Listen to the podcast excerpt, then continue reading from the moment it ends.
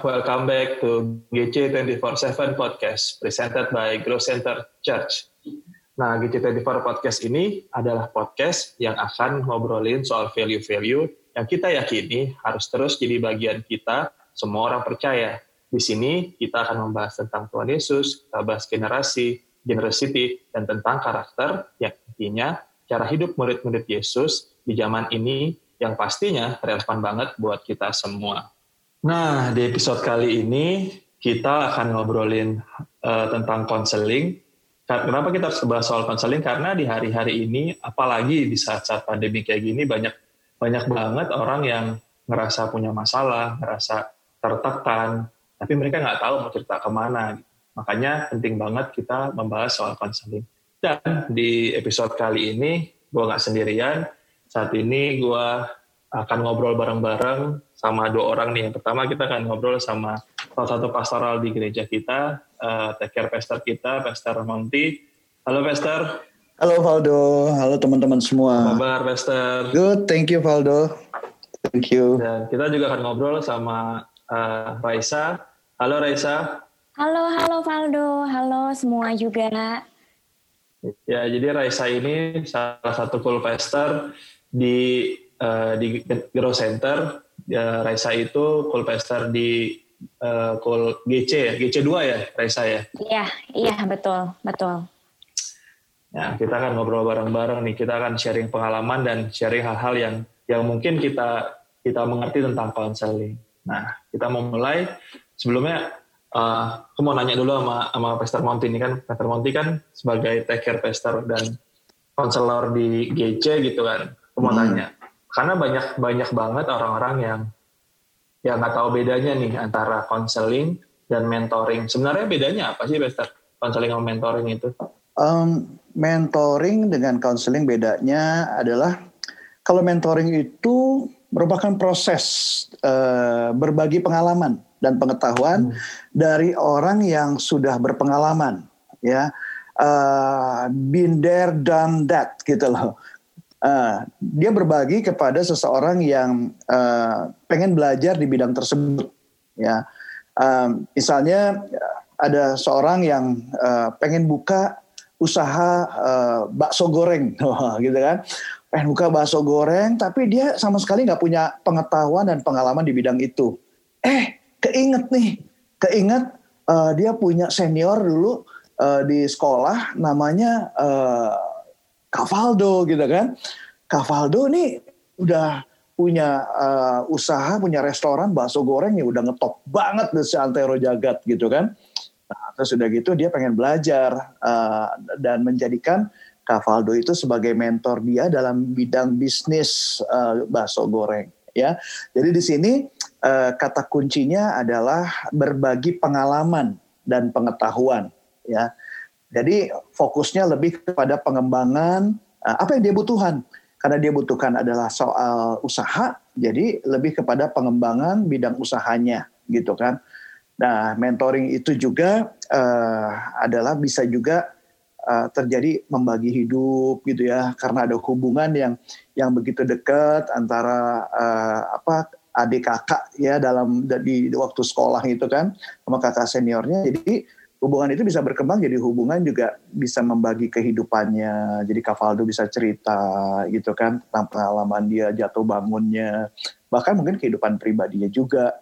Nah kemudian kalau uh, mentoring itu dia juga hmm, nggak hmm, dibatasin waktu, ya nggak ada dibatasin waktu. Eh kita cuma bisa ketemu dalam waktu tiga kali pertemuan ya, dua kali pertemuan enggak. Uh, nggak dibatasin waktu, bisa aja sepanjang usaha itu gitu kan. Bahkan ada juga uh, saya punya teman uh, sejak dia menikah sampai dia punya anak sampai anaknya udah pada gede-gede mau kawin juga tetap dimentor sama uh, apa mentornya tapi itu bidangnya bidang keluarga gitu ya. Nah sementara counseling, counseling itu adalah sebuah relasi ya, relasi ngobrol-ngobrol ya percakapan, tapi dibangun uh, dengan menciptakan rasa percaya gitu. Ada rasa percaya, ada rasa aman, Nah, tujuannya apa? Di sini si konseli itu bisa uh, mengeksplorasi, bisa menemukan, bisa menyadari apa sih yang terjadi di dalam dirinya dia. Ya, nah di sinilah si counselor itu menolong si counseling ini untuk bisa uh, menjelaskan cara hidup yang lebih baik dan cerdas dalam menghadapi sesuatu. Ya, jadi kalau uh, di dalam mentoring itu adalah untuk supaya uh, ada terjadi berbagi pengalaman dan pengetahuan, tapi kalau di counseling itu lebih goalnya adalah bagaimana dia cakap menghadapi sesuatu, menghadapi masalahnya gitu. Jadi uh, kalau di mentoring itu seorang mentor adalah orang yang ahli di bidangnya kan, ya kan, uh, dan punya pengalaman di bidangnya gitu. Dia orang yang ahli tadi seperti Kak Faldo contohnya ya ahli di bidang bakso goreng gitu kan punya pengalaman puluhan tahun di dunia bisnis bakso goreng gitu kan. Nah tapi kalau seorang konselor misalnya konselor keluarga gitu ya yang melayani konseling yang melayani klien dengan kasus perceraian. Misalnya ada konseling ini uh, dia sudah bercerai dengan dengan pasangannya dan punya uh, masalah konflik dengan soal hak asuh dan sebagainya Nah, si konselor itu tidak harus punya pengalaman perceraian. Ya, dia nggak harus orang yang sudah pernah bercerai, enggak gitu kan. Nah, um, saya saya saya keinget dengan dengan apa namanya uh, Wayne Oates gitu ya. Uh, dia mengatakan bahwa justru kalau di uh, counseling itu kita bisa memberikan penguatan, penghiburan gitu. Nah, jadi uh, orang yang yang di dalam uh, di bidang apa maksudnya di pelayanan konseling ini justru uh, pertemuannya itu adalah pertemuan yang sepanjang dia merasa butuh uh, untuk mendapatkan bantuan. Jadi kalau mentoring bisa waktunya nggak terbatas, kalau konseling waktunya bisa terbatas. Kira-kira perbedaannya itu. Misalnya kalau dia udah uh, menemukan jalan keluar buat masalahnya, mungkin sekali atau dua kali pertemuan ya udah selesai gitu kira-kira seperti itu. Nah, jadi semoga yang dengerin udah mulai mulai punya big picture-nya ya bedanya konseling sama mentoring apa. Mm -hmm. Tapi uh, yang menarik juga konseling uh, itu kan kadang-kadang orang merasa ah nggak butuh konseling mm -hmm. gitu. Rasa lagi punya masalah tapi ah belum butuh konseling. Nah mau nanya Raisa nih, Raisa pernah nggak punya pengalaman soal konseling gitu? Misalnya ada yang cerita, cerita sama Raisa kan, Raisa juga cool pester kan, pasti kan punya member-member yang punya banyak masalah gitu dan atau misalnya Raisanya ngerasa aduh banyak banget nih sebagai sebagai pemimpin itu banyak tekanan terus mau cerita sama orang. Pernah nggak ada di proses ini dan setelah setelah ada proses konseling ini bagaimana rasanya gitu? Boleh cerita Raisa? Oke jadi uh, pernah nggak ada di posisi itu? Kalau aku bisa bilang pernah pernah banget dan uh, sebagai apanya. Jadi kalau misalnya ya kalau sebagai maksudnya dari sebagai leader di dalam Komsel itu memang pastilah semua maksudnya kita tahu lah ya uh, setiap orang tuh pasti ada masalah nggak mungkin nggak ada gitu kan. Dan pastinya di dalam situ dengan akhirnya kita mau bertumbuh bersama dengan komitmen yang ada dan segala macam otomatis akan ada yang namanya seperti itu. Jadi ada yang namanya akhirnya cerita, curhat ya kan. Jatuhnya sebenarnya secara tanda kutip itu konseling secara tidak langsung seperti itu kan. Dan itu memang banyak-banyak sekali case-nya gitu terjadi di dalam uh, maksudnya kegiatan sehari-hari gitu kan. Nah, kemudian kalau misalnya ditanya kepada pribadi aku sendiri, aku sendiri pernah nggak sih sebenarnya konseling uh, dan segala macam aku bisa bilang bahwa yes aku pernah bahkan uh, keluargaku sendiri itu juga kita semua itu pulih secara pelan-pelan bertahap itu karena dengan bantuan konseling akhirnya gitu. Dan aku percaya memang siapa aja yang butuh konseling, aku percaya setiap orang yang memang kalau kamu punya masalah ya kan, bahwa aku percaya bukan orang yang lemah kok yang yang konseling itu. Justru menurut aku yeah. orang yang kuat itu adalah orang yang berani untuk ngomong bahwa aku butuh pertolongan nih. Itu orang yang kuat menurut aku. Dan mau ditahan sampai kapan sih? Dalam arti emang kita bisa bertahan sampai kapan?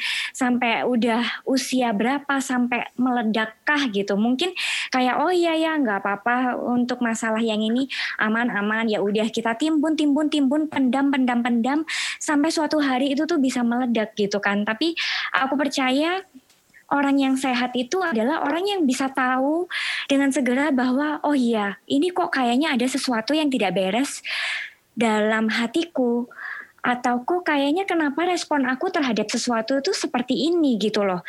Kok aku mulai kenapa aku tiba-tiba begini ya dan sepertinya aku butuh pertolongan gitu loh jadi nggak ada masalah buat aku untuk kita mengakui eh, hal-hal bahwa kita butuh bantuan dan justru menurut aku itu orang yang kuat itu tuh orang yang berani mengakui ketika kita lemah dan kita ketika kita ada di dalam titik terendah kehidupan kita gitu. Nah, terus uh, rasanya apa setelah setelah misalnya ada proses cerita itu misalnya ada cerita sama sama lo gitu mm-hmm. mereka ngerasa ada ada yang berubah gitu nggak nyata rasa perasaan mereka lah setelah mereka melakukan proses itu gitu cerita okay. Oke, dari apa yang menjadi apa yang aku lihat ya kan, um, karena kan itu memang nggak lama, apa bukan waktu, memang text time malah intinya. Kalau yang dari pengamatan aku, bahwa ada yang namanya perubahan hidup perubahan karakter. Mereka maksudnya jadi lebih lega. Aku pun secara pribadi ketika aku uh, maksudnya misalnya melihat keluargaku sendiri setelah konseling dan segala macam, terus kemudian melihat teman-teman di komsel setelah mereka curhat dan lain-lainnya, ada kayak relief gitu, kayak akhirnya lebih tenang gitu kan. Ada partner untuk bisa saling sharing, terus kemudian bagi beban juga gitu kan. Karena kadang-kadang ketika kita itu udah bingung sendiri, sebenarnya kita sam, kita bisa ada di tahap yang kita sendiri sampai tidak mengerti hati kita itu kenapa sebenarnya.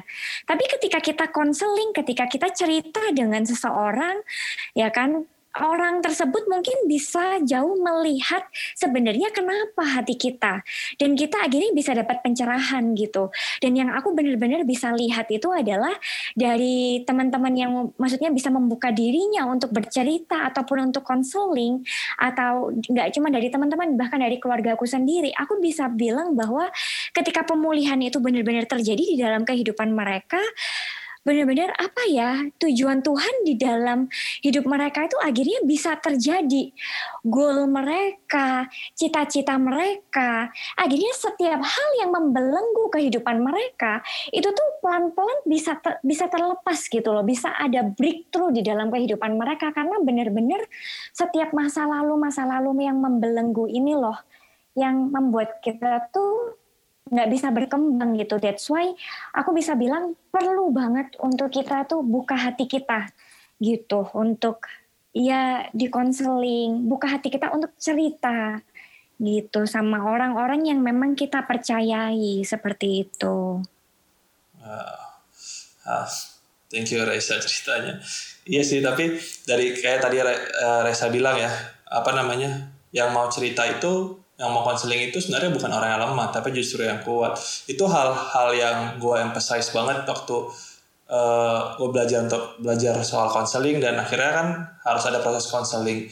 Ketika itu gue cerita masalah masalah gue apa cerita tekanannya tuh apa itu ngerasa lebih lepas loh pada jadi ngerasa kita dengan kita cerita sama orang kita share beban gitu orang sometimes tuh nggak ngasih jawaban. Orang cuma mengingatkan dan dan memberitahu, mengklarifikasi sebenarnya kita punya pilihan apa gitu dalam dalam hidup kita. Kita jadi bisa lebih tajam untuk memilih. Yang padahal sih konselor waktu waktu gue cerita proses konseling itu dia nggak nggak ngasih tahu jalan keluar, dia cuma lebih mengklarifikasi aja, tapi lebih jadi lebih apa ya lebih lebih nyaman gitu rasanya lebih lebih enteng untuk membuat keputusan itu sih jadi kayak banyak banget mitos-mitos yang yang agak salah menurut gue soal konseling sih. Dok, dok. Nah kayak misalnya dok, mau nanya dok. nih sama Pester Monti nih, ya. Mau tanya dok, waktu uh, ya, Pester. kamu cerita itu berani cerita itu setelah ya. jelasin pengertian konseling itu sendiri atau memang lu berani aja cerita gitu? Atau udah dijelasin kalau konseling tuh begini-begini, jadi lu jangan takut, jadi akhirnya lu berani cerita? Atau memang lu dari sebelum ketemu sama si konselor juga dasarnya emang lu berani aja cerita? Gimana dok? Kejadian lo waktu itu? Jadi, jadi sebenarnya sih pada pada intinya sebenarnya aku tuh orangnya kan emang ekstrovert ya. Jadi hmm. jadi uh, cerita sama orang tuh gampang. Hmm. Tapi ada bagian-bagian yang yang lebih banyak so, denial sih kayak hmm. hal-hal hmm. hal-hal yang hal-hal yang terlalu dalam yang enggak gue gak kayak gitu enggak gue gak butuh bantuan gitu loh Pester jadi kayak gak mau mengakui jadi yang cerita itu lebih ke, di permukaan untuk cerita sama orang hmm. tapi ketika di, diceritain mulai mengerti soal soal konseling soal hmm. kesehatan mental kesehatan jiwa akhirnya memilih untuk oke okay deh gue cerita deh karena hmm. karena saya ngerasa gitu aku tuh ngerasa udah bertahun-tahun merasa merasa mampu denial akan hal yang sebenarnya yang sebenarnya saya saya alami saya rasakan gitu hmm. itu kayaknya kayak berusaha untuk nggak mikirin gitu nggak ah hmm. cuma mikir pikiran doang ah kalau gue cerita gue dianggap lemah dulu tuh ngerasa gitu jadi, jadi dulu dulu emang, udah sudah mulai cerita banyak orang tapi tapi kayak cuma permukaan tapi permukaan. ketika mengerti dan melakukan itu lebih dalam cerita iya. rasanya ternyata beda banget ternyata memang harus diceritain harus gitu. ada saya butuh juga ya harus dikasih tahu ya Iya. Kebetulan Valdo memang orangnya iya. extrovert, dia memang udah hal-hal tertentu dia bisa cerita. Tapi ada hal yang lebih uh, apa namanya pribadi banget. Ah, gue nggak dulu deh gue denial gitu. Tapi setelah dikasih tahu, lo baru berani cerita ya gitu ya.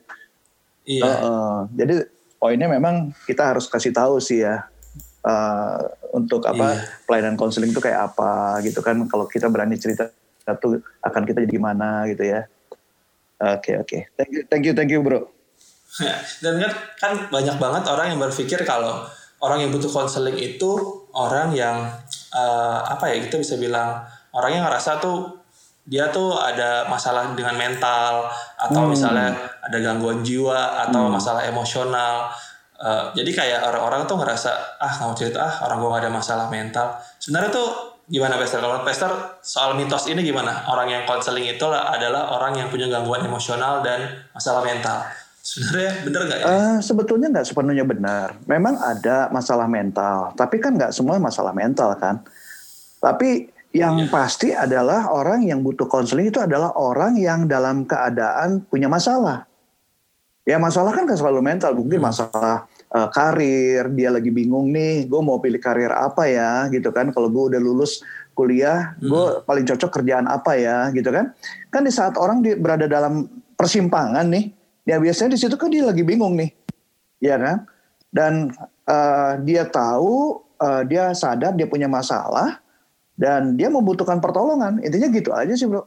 Jadi memang uh, masalah itu nggak selalu mental, ya kan? Ada juga masalah uh, apa organisasi. Ya saya pernah mengalami gitu kan masalah di organisasi. Gue banyak banget nih organisasi yang gue ikutin kan gitu kan. Yang mana ya yang yang yang gue perlu dalemin gitu. Karena ikut di ini di senat mahasiswa ikut di ini ini. Wah, organisasi banyak banget gitu kan. Nah di situ kan gue butuh nasihat gue butuh pertolongan gitu kan. Kayak gitu. Terus waktu itu juga pernah uh, waktu aku full time uh, di kantor pusat GB Gatsu tuh itu sampai ada empat posisi ya empat empat jabatan nih empat jabatan empat jabatan terus saya punya pemimpin yang berbeda-beda. Kalau pemimpinnya satu sih nggak apa-apa lah ya. Ini pemimpinnya beda-beda. Ada satu masa tuh di mana bukan bukan satu beberapa kali pemimpin minta uh, saya lakukan tugas ini, tugas itu, wah berbarengan, ya kan? Kan itu kan bingung. Yang mana gue mesti duluin ya? Semua pemimpin bilang ini prioritas gitu kan, mateng deh gue gitu kan. Nah, jadi itu kan nggak selalu masalah mental. Memang kalau nggak di apa namanya nggak diselesaikan, itu bisa akhirnya uh, kena ke mental kita, jiwa kita, gitu kan. Yang namanya stres, bahkan sampai depresi. Tapi awalnya nggak selalu masalah mental sih. Kadang juga ada orang punya masalah soal hmm, apa pola relasi, hubungan, gitu kan. Ya kan, ini gimana sih gue ngomong sama dia kok kayaknya nggak nyambung nyambung ya, gitu kan.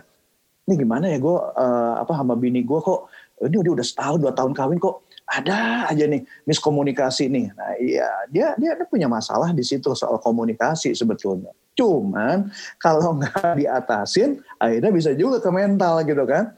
Gitu. Makanya kayak kemarin-kemarin tuh waktu lagi pandemi kan awalnya sebetulnya nggak selalu mental. Karena awalnya memang uh, ini komunikasinya suami istri ini kurang bagus gitu loh komunikasinya sering kali nggak nyambung gitu kan gitu. Cuman karena nggak diatasin, akhirnya berkembang sampai akhirnya stres, sampai depresi, bahkan cerai deh gitu. Gitu sih bro. Hmm. Hmm. Gitu. Benar, benar. uh, Raisa nih, malahnya nih. Iya. Kan ada ada ada perspektif orang yang mau cerita itu mau cerita mau konseling lah. Tapi kayaknya konseling itu prosesnya kayak menyakitkan banget gitu kayak nggak enak terus kayak prosesnya serius terus.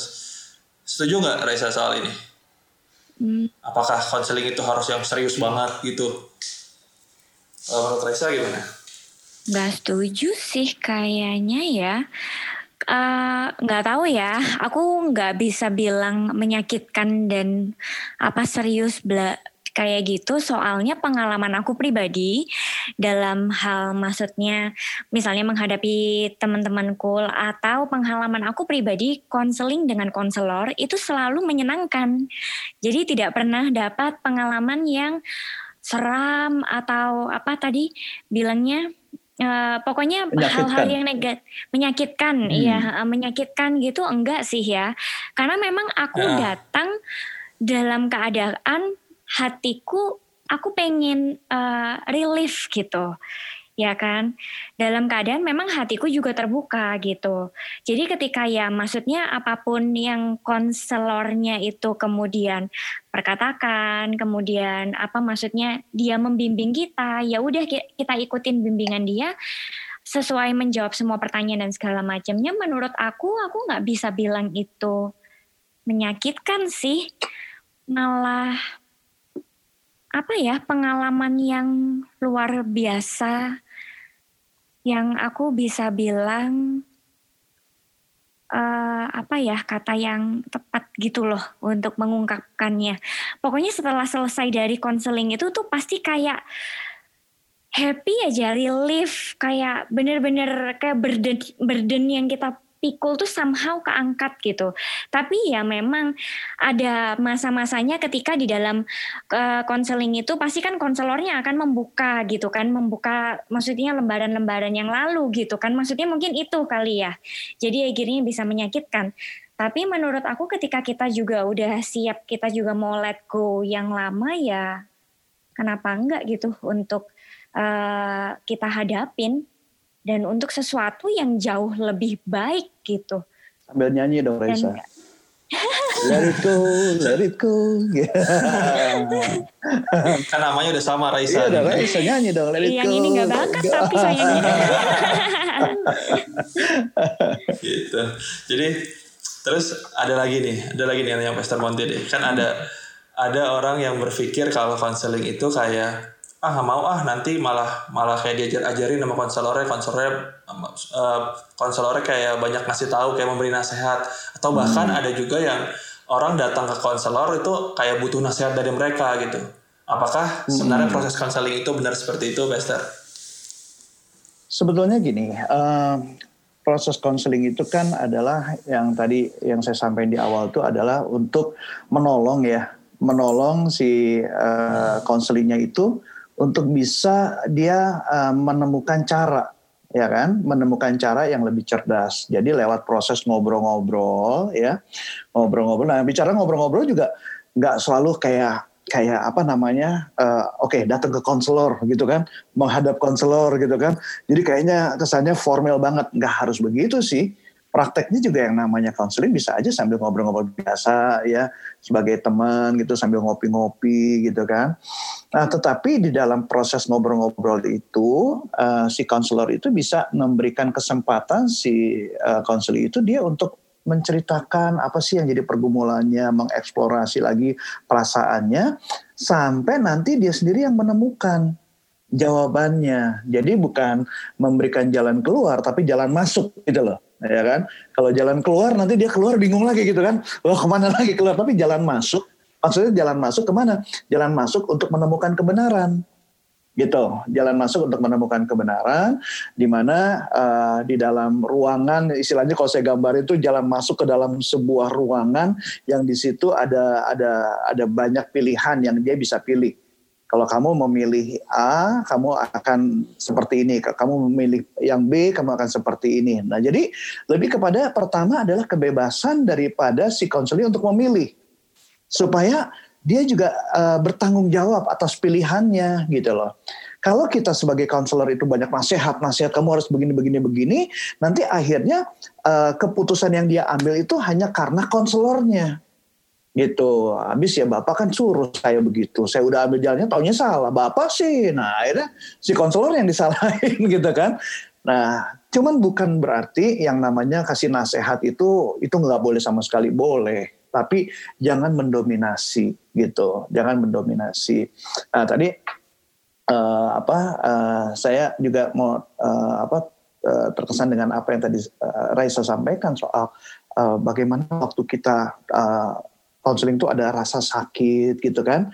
Untuk uh, mungkin si konselornya nanya gitu kan kepada flashbacknya kejadian yang lalunya seperti apa. Mungkin waktu dia lagi menceritakan itu memang uh, ada rasa sakit. Bisa terjadi. Karena dia harus mengingat lagi recall lagi kejadian itu kan. Ya kan? Uh, dia menceritakan kesakitannya itu. Memang saat itu mungkin nggak enak perasaannya. Tapi tapi uh, di dalam Yakobus 5 ayat 16 uh, 16a ya uh, dikatakan karena hendaklah kamu saling mengaku dosamu, mengaku. Jadi pada waktu kita terbuka gitu kan ngakuin gitu ya, maka apa yang terjadi?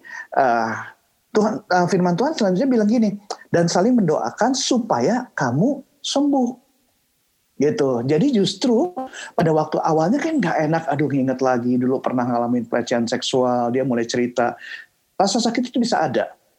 Tapi di sinilah do bedanya konseling uh, sekuler dengan konseling Kristen, di mana kalau konseling sekuler kan nggak melibatkan Tuhan sama sekali kan.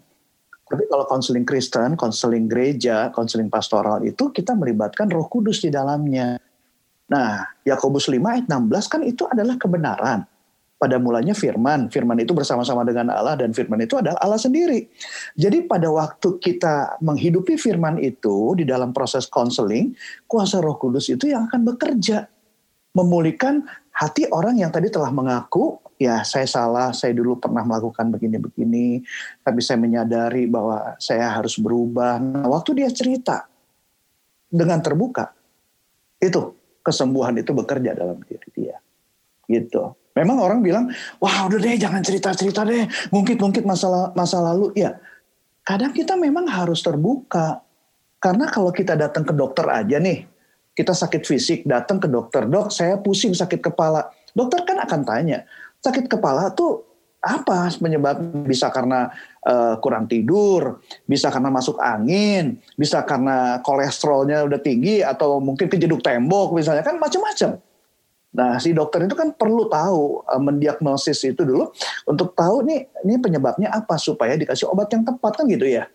Nah, demikian juga waktu datang ke konselor itu memang ada cara yang di mana uh, kita harus terbuka bahkan menceritakan penyebabnya ya kan supaya si uh, konselor itu tidak salah dalam mendiagnosa dan memberikan uh, terapi atau uh, cara yang yang tepat buat si konselingnya gitu. Jadi memang harus ada keterbukaan itu penting sih. Walaupun kadang keterbukaan itu menyakitkan. Kejujuran itu menyakitkan. Tapi kamu masih sembuh gitu. Iya iya. Iya. Jadi aku eh, apa namanya menarik banget itu ya konseling itu adalah jalan masuk ya konselor itu tugasnya untuk untuk ngasih jalan hmm. masuk ya bukan jalan keluarnya itu itu tuh kayak Uh, bener banget sih aku pernah ya kalau aku boleh cerita dulu aku pernah konseling hmm. tiga konseling akhirnya kan konselor kan menggali lebih dalam kan mengeksplor yeah. apa kan waktu kita mau konseling kan kita kan yeah. punya goalnya kita punya tujuan tujuan kita untuk konseling yeah. itu apa jadi si konselor yeah. bisa mengeksplor lagi lebih dalam Betul. lagi apa mm -hmm. kenapa kamu mengalami ini gitu waktu aku cerita lagi tanpa yeah. sadar ternyata aku flashback lagi ya masa lalu aku kan flashback yeah. kenapa aku bisa kayak gini awal mulanya di mana dan yeah. sebenarnya jadi kayak yeah. konselor itu kayak cuma mengingatkan aja jadi dia kayak mengklarifikasi kamu tuh punya pilihan ini kamu tuh begini karena ini yeah. lebih kayak mengingatkan yeah. gitu loh jadi dan yeah. waktu aku tahu diberitahu sama konselor yang itu iya ya bener juga ya kita jadi lebih sadar lebih hmm. aware sama diri sendiri sih itu itu sih kata yang bisa ucapin sih ya bukan jalan bukan jalan keluar jalan masuk iya karena bener. it's hot it's hot outside go cool gitu. Go cool. It's hot outside. Wah di luar tadi panas dok, beneran asli. Makanya go cool sini masuk ke ruangan yeah. ber AC. Wah, go cool.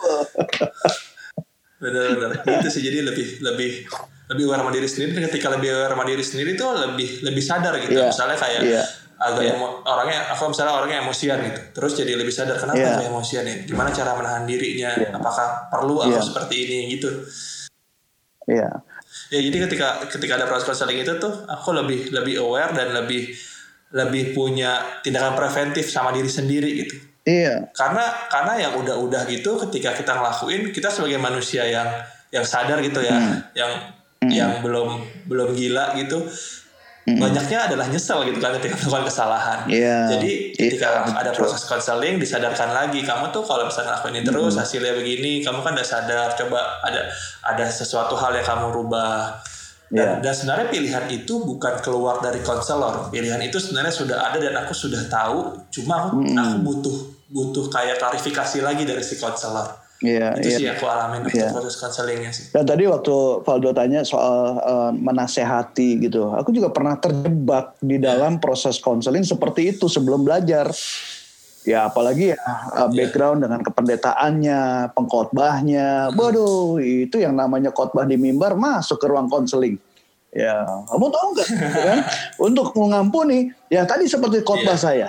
Step pertama, langkah pertama, langkah kedua, langkah ketiga. Jadi khotbah kembali diulang lagi khotbahnya di ruang konseling. Wah itu begitu Iya. belajar tuh, waduh, ayo bertobat bertobat tuh salah menyesatkan banyak orang. iya. Makanya ya kita juga pendeta juga apalagi di dalam pengembalaan ya perlu belajar ilmu konseling ya, gitu. Terus ada lagi nih, Uh. nanya Raisa dulu nih. Kan ada ada uh, pikiran orang, perspektif orang juga kayak, udahlah nggak usah cerita, ntar ceritanya ke mana-mana gitu. Nah kalau Raisa misalnya ada yang cerita gitu, ada yang lagi share bebannya gitu. Gimana Raisa menjaga kerahasiaan dari yang diceritain gitu? Oke.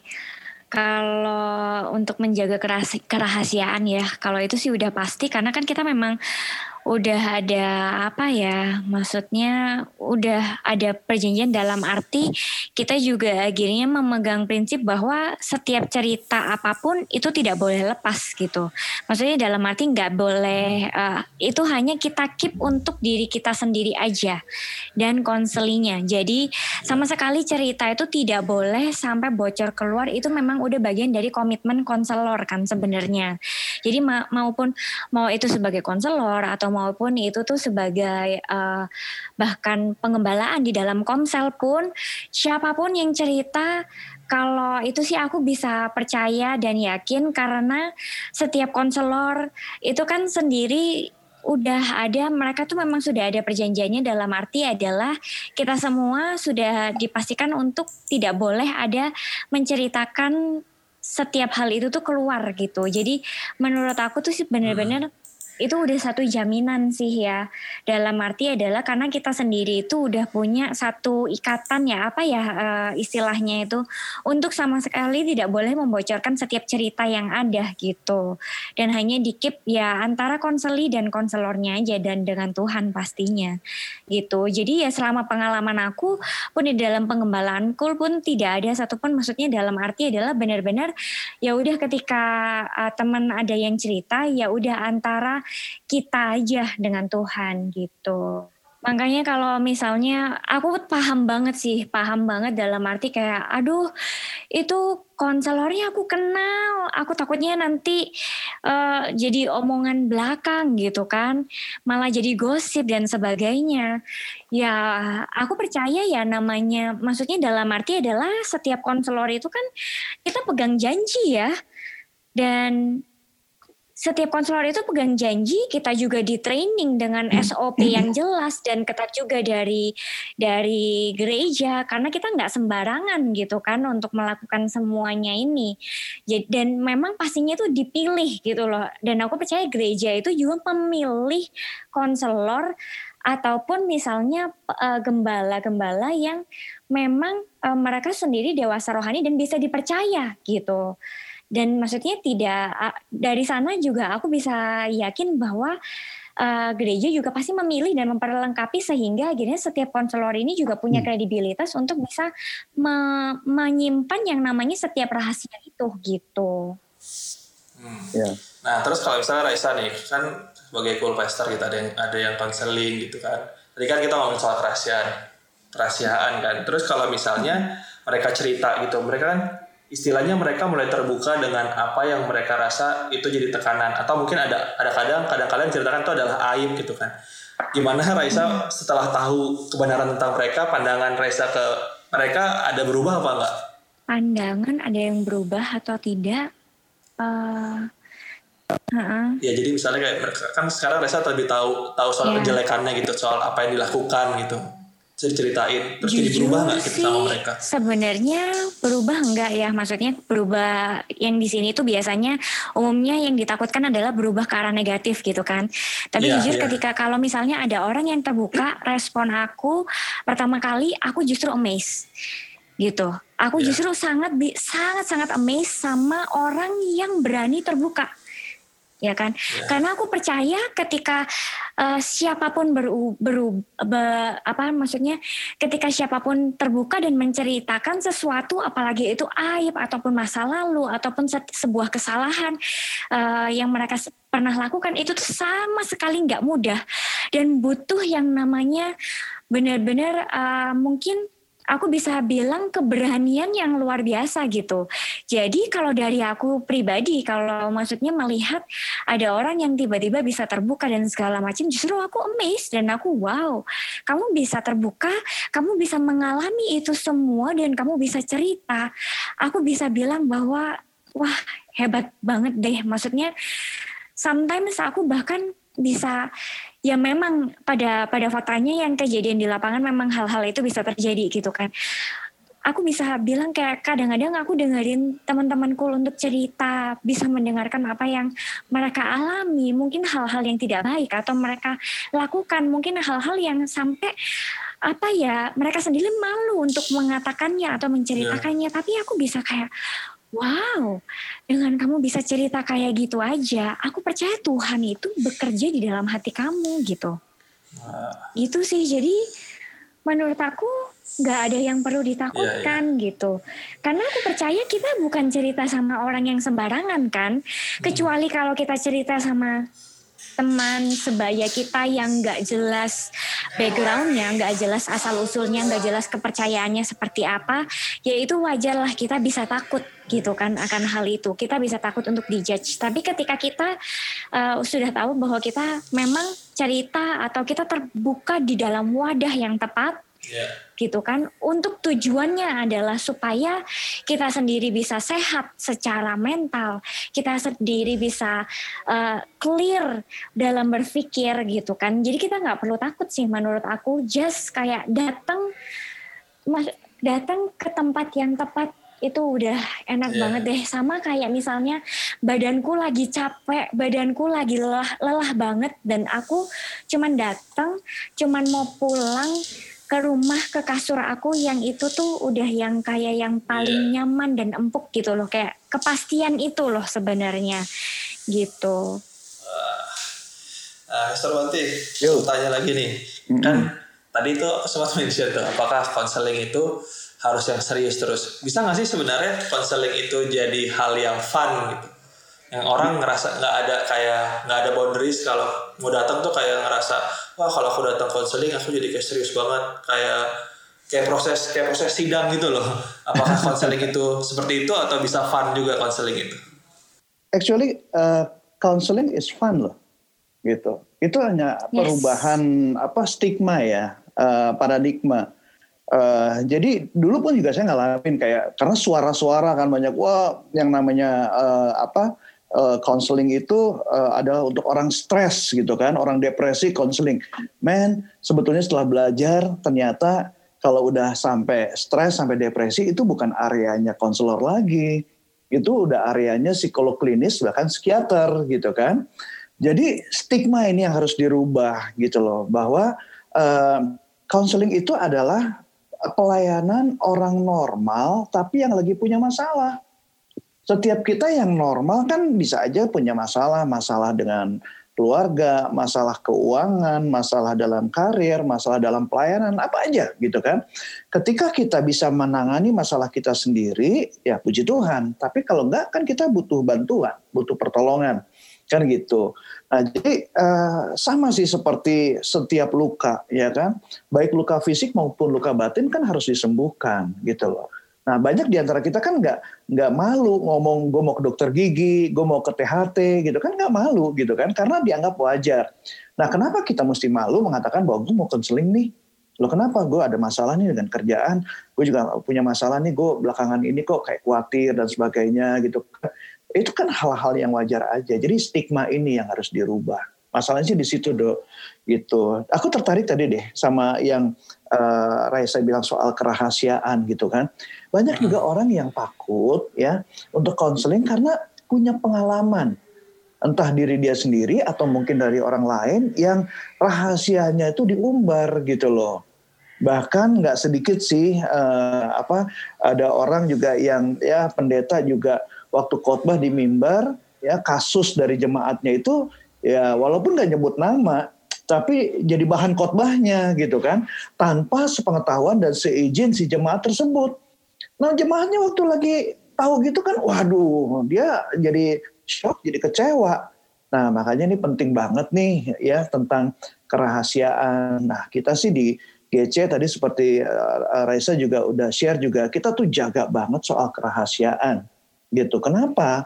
Karena kalau kita nggak menjaga kerahasiaan itu, waduh itu itu itu kalau Firman Tuhan bilang tuh itu hukumannya tuh ngeri loh, ngeri banget. Karena apa?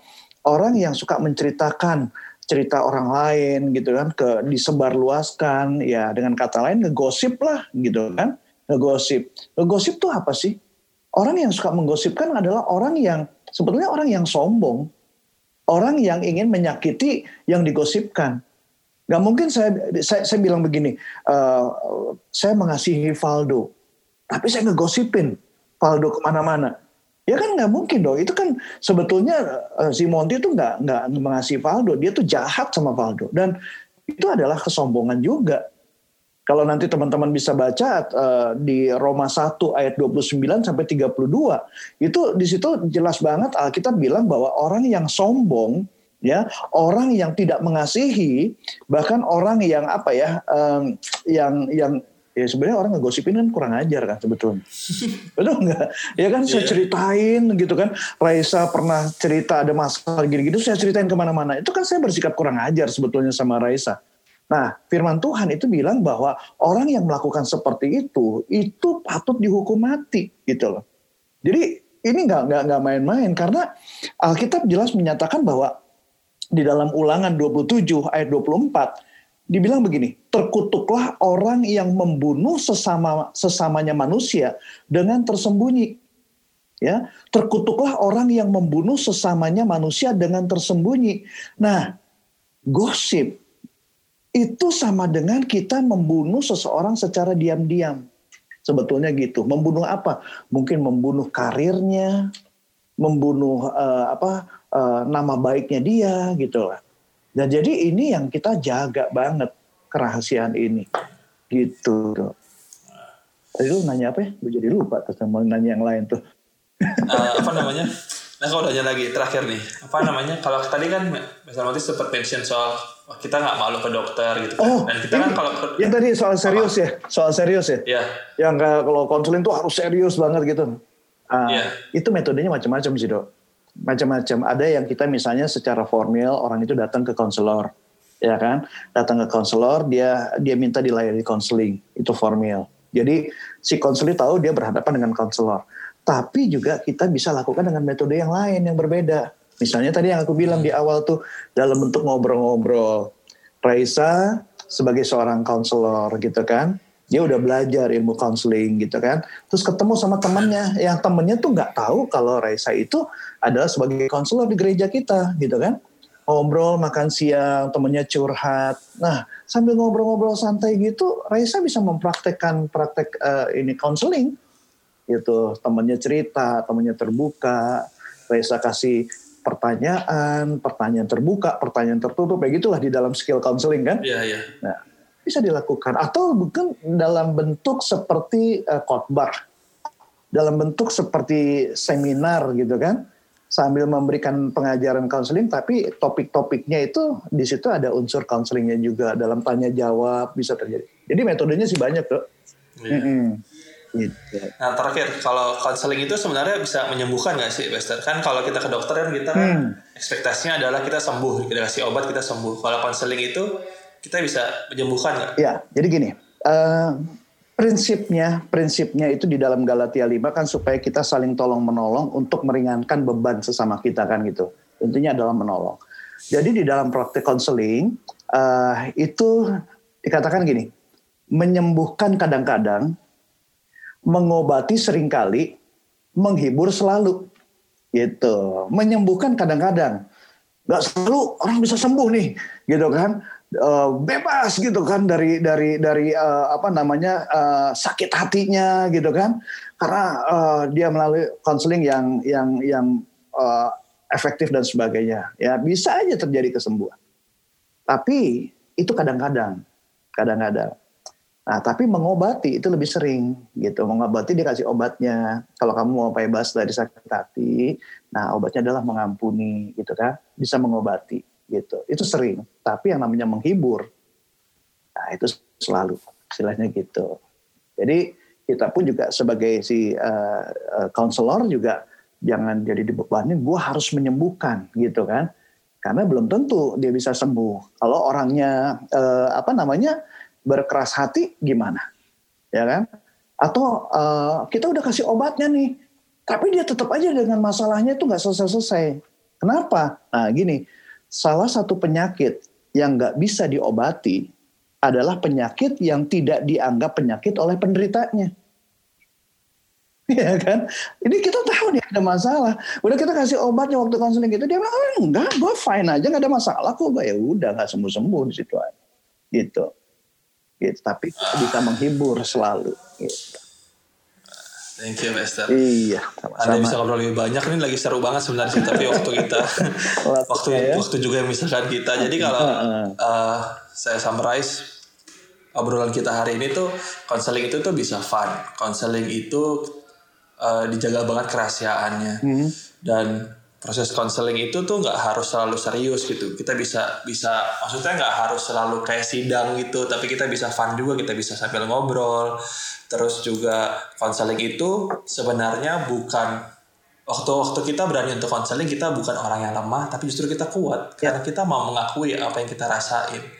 Dan semua proses konseling itu bisa terjadi hanya kalau kita mau untuk untuk cerita kita mau untuk konseling karena yang tadi kita ceritain nggak akan terjadi kalau si konsel ini kitanya nggak mau datang dan kita mengakui untuk cerita yeah. gitu yeah. nah sekarang di masa sekarang ini yang kayak pasti pandemi yang banyak tekanan gini kita juga di di GC di Departemen Take Care di konseling kita juga ada online konseling uh, online konseling itu proses konseling seperti biasa hmm. kita uh, sama-sama dengerin cerita kalian kalau kalian mau konseling tapi lewat online. Gimana Pester mau ada yang disampaikan soal online konseling?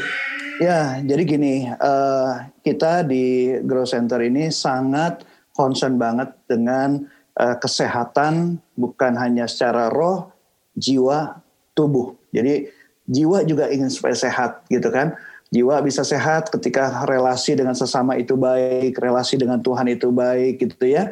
Nah, oleh karena itu kita memfasilitasi dengan pelayanan online counseling di mana di situasi seperti sekarang ini kan kita juga punya keterbatasan ya untuk ketemu secara fisikal gitu kan. Nah, jadi kita adakan online counseling di mana semua teman-teman yang yang merasa membutuhkan pertolongan karena punya masalah gitu kan. Uh, jadi bisa menghubungi uh, online counseling Nah, nanti di sana akan diatur waktu pertemuannya dengan para konselornya gitu kan. Dan pertemuan itu secara online via Zoom ya, via Zoom. Jadi ini yang kami lakukan dan itu kita lakukan uh, selama di hari kerja ya dari Senin uh, sampai Sabtu gitu ya. Dan jamnya juga dari uh, jam 8 pagi sampai jam 8 malam gitu ya. Nanti akan diatur waktunya.